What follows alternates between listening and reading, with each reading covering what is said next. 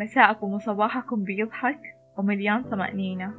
وأهلا بكل الناس الحلوة الجميلة. أهلا فيكم جميعا في عالم المتواضع الملم بالجانب النفسي والمعرفي. وشوية تجارب مريت فيها وبشارككم خلاصتها. وفي أحيان أخرى بتكلم لكم عن حاجات مكلكة نحصل حلها مع بعض. بدايتنا اليوم مختلفة ليوم جديد ومختلف. بينما أنا كذا صاحية بدري. حضرت كل أجواء وتفاصيل الصباح لذا السبب أنا جدا رايقة فقررت إني أسجل لكم هالتاني حلقاتي من بودكاست مكلكع سلسلة نور على نور. زي ما اتفقنا في بداية كل حلقة أباكم تكونوا حاضرين حاضرين أكثر حاضرين فكريا. في مكان هادي يعمه الهدوء. وأنتوا لابسين سماعاتكم. تاخدوا نفس عميق deep breath ويلا نبدأ.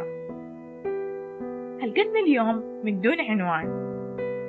بس كتبتها بينما أنا بين حبات البازل المفككة بين ألف قطعة وقطعة وأنا أفند وأحل لما اكتملت الصورة.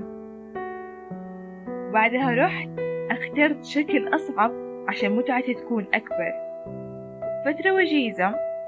رحت قرأت كتاب كان ليه له سنة يعني تركته ورجعت تاني مرة وقريته لما وصلت لنقطة وصراحة أقنعتني. بتقول إنه المشكلات ثابت من ثوابت الحياة وتكمن السعادة في الحل. كونك شخص بتحل حتحس نفسك بإنك شخص منجز شخص نافع بعيد البعد عن الأشخاص اللي ما بيبذلوا أي مجهود وما بيفكروا في الحل. ويخلوا دائما المحيط والمجتمع علاقتهم. في النهاية وببساطة حابة أقول لكم لا تعيشوا دور الضحية.